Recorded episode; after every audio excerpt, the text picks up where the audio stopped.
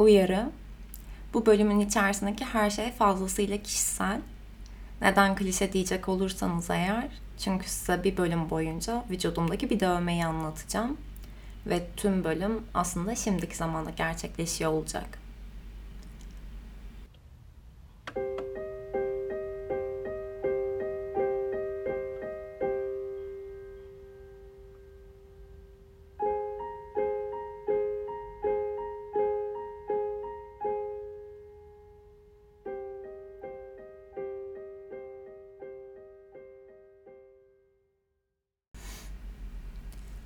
Selam.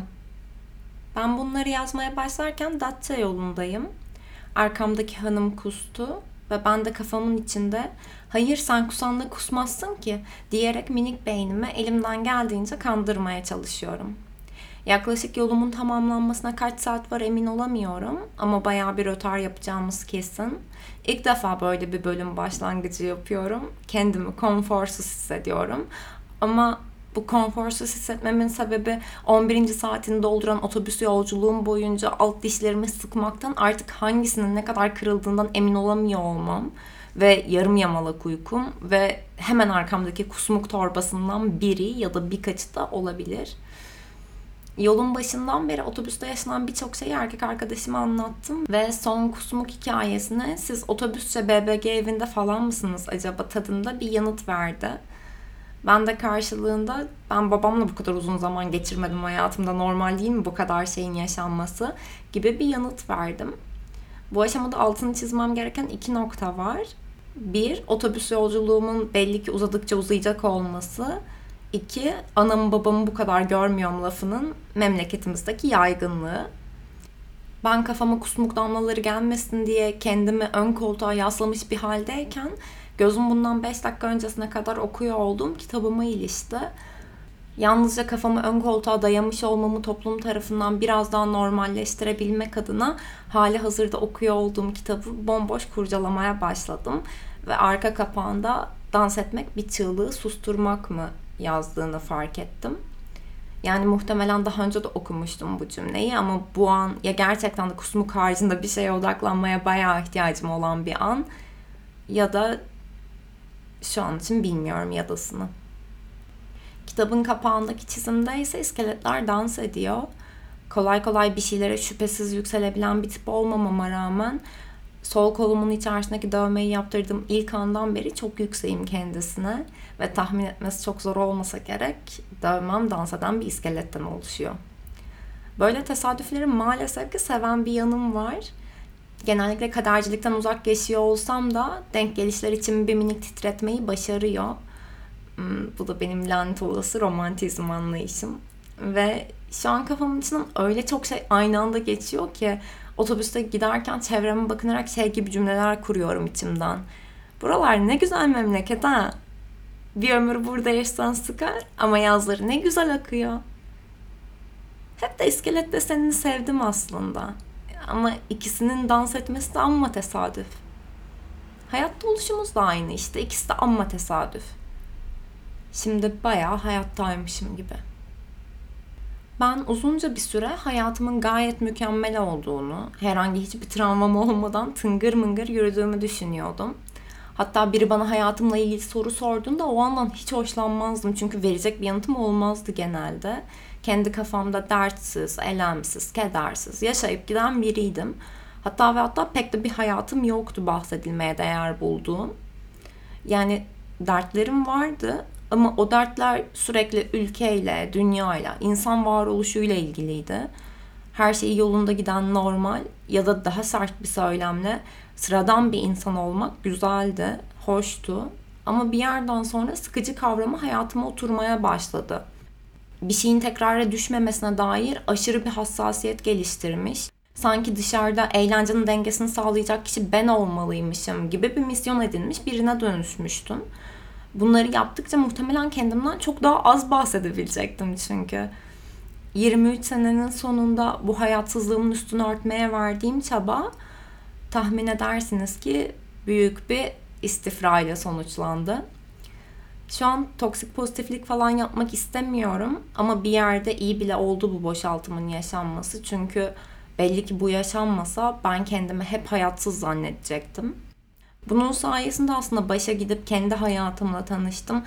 Hmm, gayet mutlu olduğuna inandığım çocuk Melisa'nın ya da kendini keşif sürecindeki Melisa'nın aslında yalnızca kafamdaki dans edip gülen Melisa olmadığını anımsadım. Gerçek Melisa aslında kendi çığlıklarını biriktirerek dansı kaçış savunma mekanizması olarak kullanmış biriydi. Önümdeki kitapta dans etmekten yorgun düşenler çoğunlukla bulundukları yerde resmen yere düşerek ölüyorlar. Bense bir iskelete dönüşmüş fakat henüz ölmemiştim. Ve tüm bu tanışıklık başlangıcımdan sonra aslında kolumun içindeki dövmeyi yaptırma kararı aldım.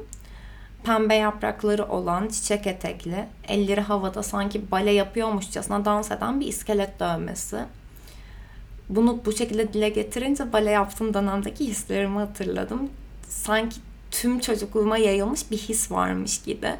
Şimdi geçmişe dönüp bakınca öyle hissediyorum tabii ki. Hatta tadına, kokusuna kadar anlatabilirim bu hissi ama neyse ki bunun somatizasyonla bağlantısını duyumsamış biri olarak bu edebiyata girmeyeceğim şimdi. Arabesk bir tona kaysın da istemiyorum asla söyleyeceklerim ya da söylediklerim. Ve sanırım bunu söylerken bile yargılanacağım korkum devam ediyor. Ama zaten Melisa'nın onca zaman boyunca çığlığını susturmak için hiçbir şey yokmuşçasına dans etmeye çalışması bir o kadar yargılanacağım korkusundan kaynaklanıyordu. Hatta şu an bunları söylerken belki ben arabesk lafını aklımdan geçirip dilimden çıkarmasaydım kimsenin aklına dahi gelmeyecekti bu diye düşündüm. Ama maalesef yargılayıcı insanların olduğu yerlerde büyümek insana bu yontulmuşluğu sağlayabiliyor. Bu arada bundan dolayı kimseyi suçlamıyorum. Çünkü yargılayıcı insanlar her yerde. Birini değil de belli başlı kurumları suçlayabiliriz ancak böyle bir şeyde. Ama bu da bu bölümün konusu değil. Bir ortamda karşımıza çıkmasa diğerine mutlaka çıkıyor bu yargılayıcı en azından bakışlar. Ee, en basitinden mükemmel anne babalara sahip olalım ki bu konudaki görüşlerim de henüz değişmedi ama en ufak bir sosyalleşmenin içerisinde korkunç yargılayıcı biriyle karşılaşabiliyoruz.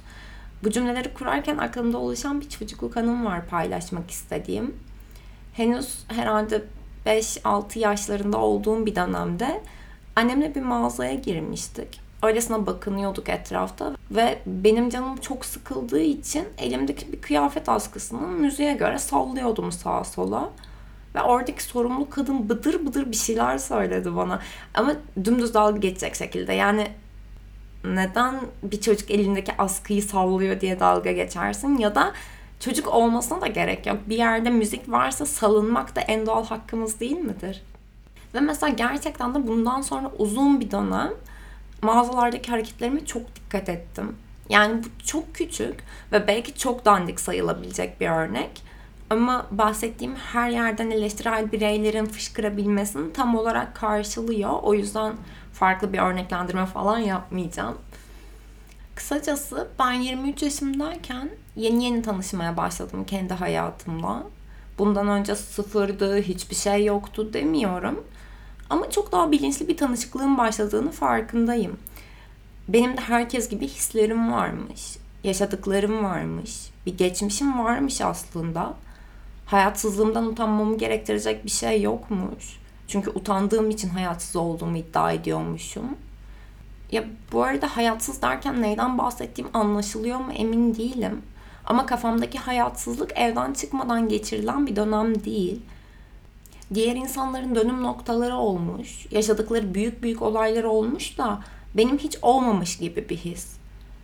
Çünkü o insanlara dönüp baktığımda yaşadıkları gerçekten büyük olaylar var. Yani başka birine sorsak da aa evet çok büyük bir şey yaşamış çok geçmiş olsun deyip ona acıyarak bakabileceği ya da onunla aşırı gurur duyabileceği gerçekten toplum tarafından da büyük bir olay olarak dönüm noktası olarak adlandırılabilecek olaylar varken ben kendi hayatıma öyle bir yerden bakamıyordum asla. Bakmamayı tercih ediyordum aslında. Belki de o dönemde kendimi öylesine sıradanlaştırarak farklılaştırdığıma ve bu şekilde birinin fark edebileceğine inanıyordum. Bilmiyorum. Şimdi dağ yollarını geçtik. Biliyorum artık yaklaştığımızı Datça'ya. Arkamdaki kadın muavini yanına çağırdı. Muavinse torbanın ağzını sıkı bağladınız değil mi? Diyerek beni tüm düşüncelerimden çıkardı. Belki de ağzını sıkı bağlamamamız gerekiyordur bir şeylerin. Belki daha esnek olmalıdır bir şeyler. Çünkü biz her ne kadar geçtiğini, bittiğini düşünsek de bazen uçup gelebiliyor bazı şeyler. Yakamıza konabiliyor ve o günü bize zehir edebiliyor. Yani şu aşamada tabii ki her gün çocukluğum hakkında bu bölümde bahsettiklerim üzerine düşünmüyorum. Ama bazen bazı anlarda kendini en ufak bir dokunuşla hissettiriyor olması kadar doğal bir şey de yok. Bu yüzden ben kendime bu bölümün sonuna doğru yaklaşırken diyorum ki bir şeyler sıkıca bağlanmıyorsa da bırak kalsın. Belki de şu an ihtiyacı olan biraz hava almaktır. Ve son olarak bir mağazada ya da herhangi bir yerde müzik duyduğunuzda salınmanızı ama dansı bir şeylerden kaçış için kullanmamanızı diliyor. Sonraki bölümde birbirimize sarılmak üzere bu bölümü sonlandırıyorum. Beni dinlediğiniz için çok teşekkür ederim.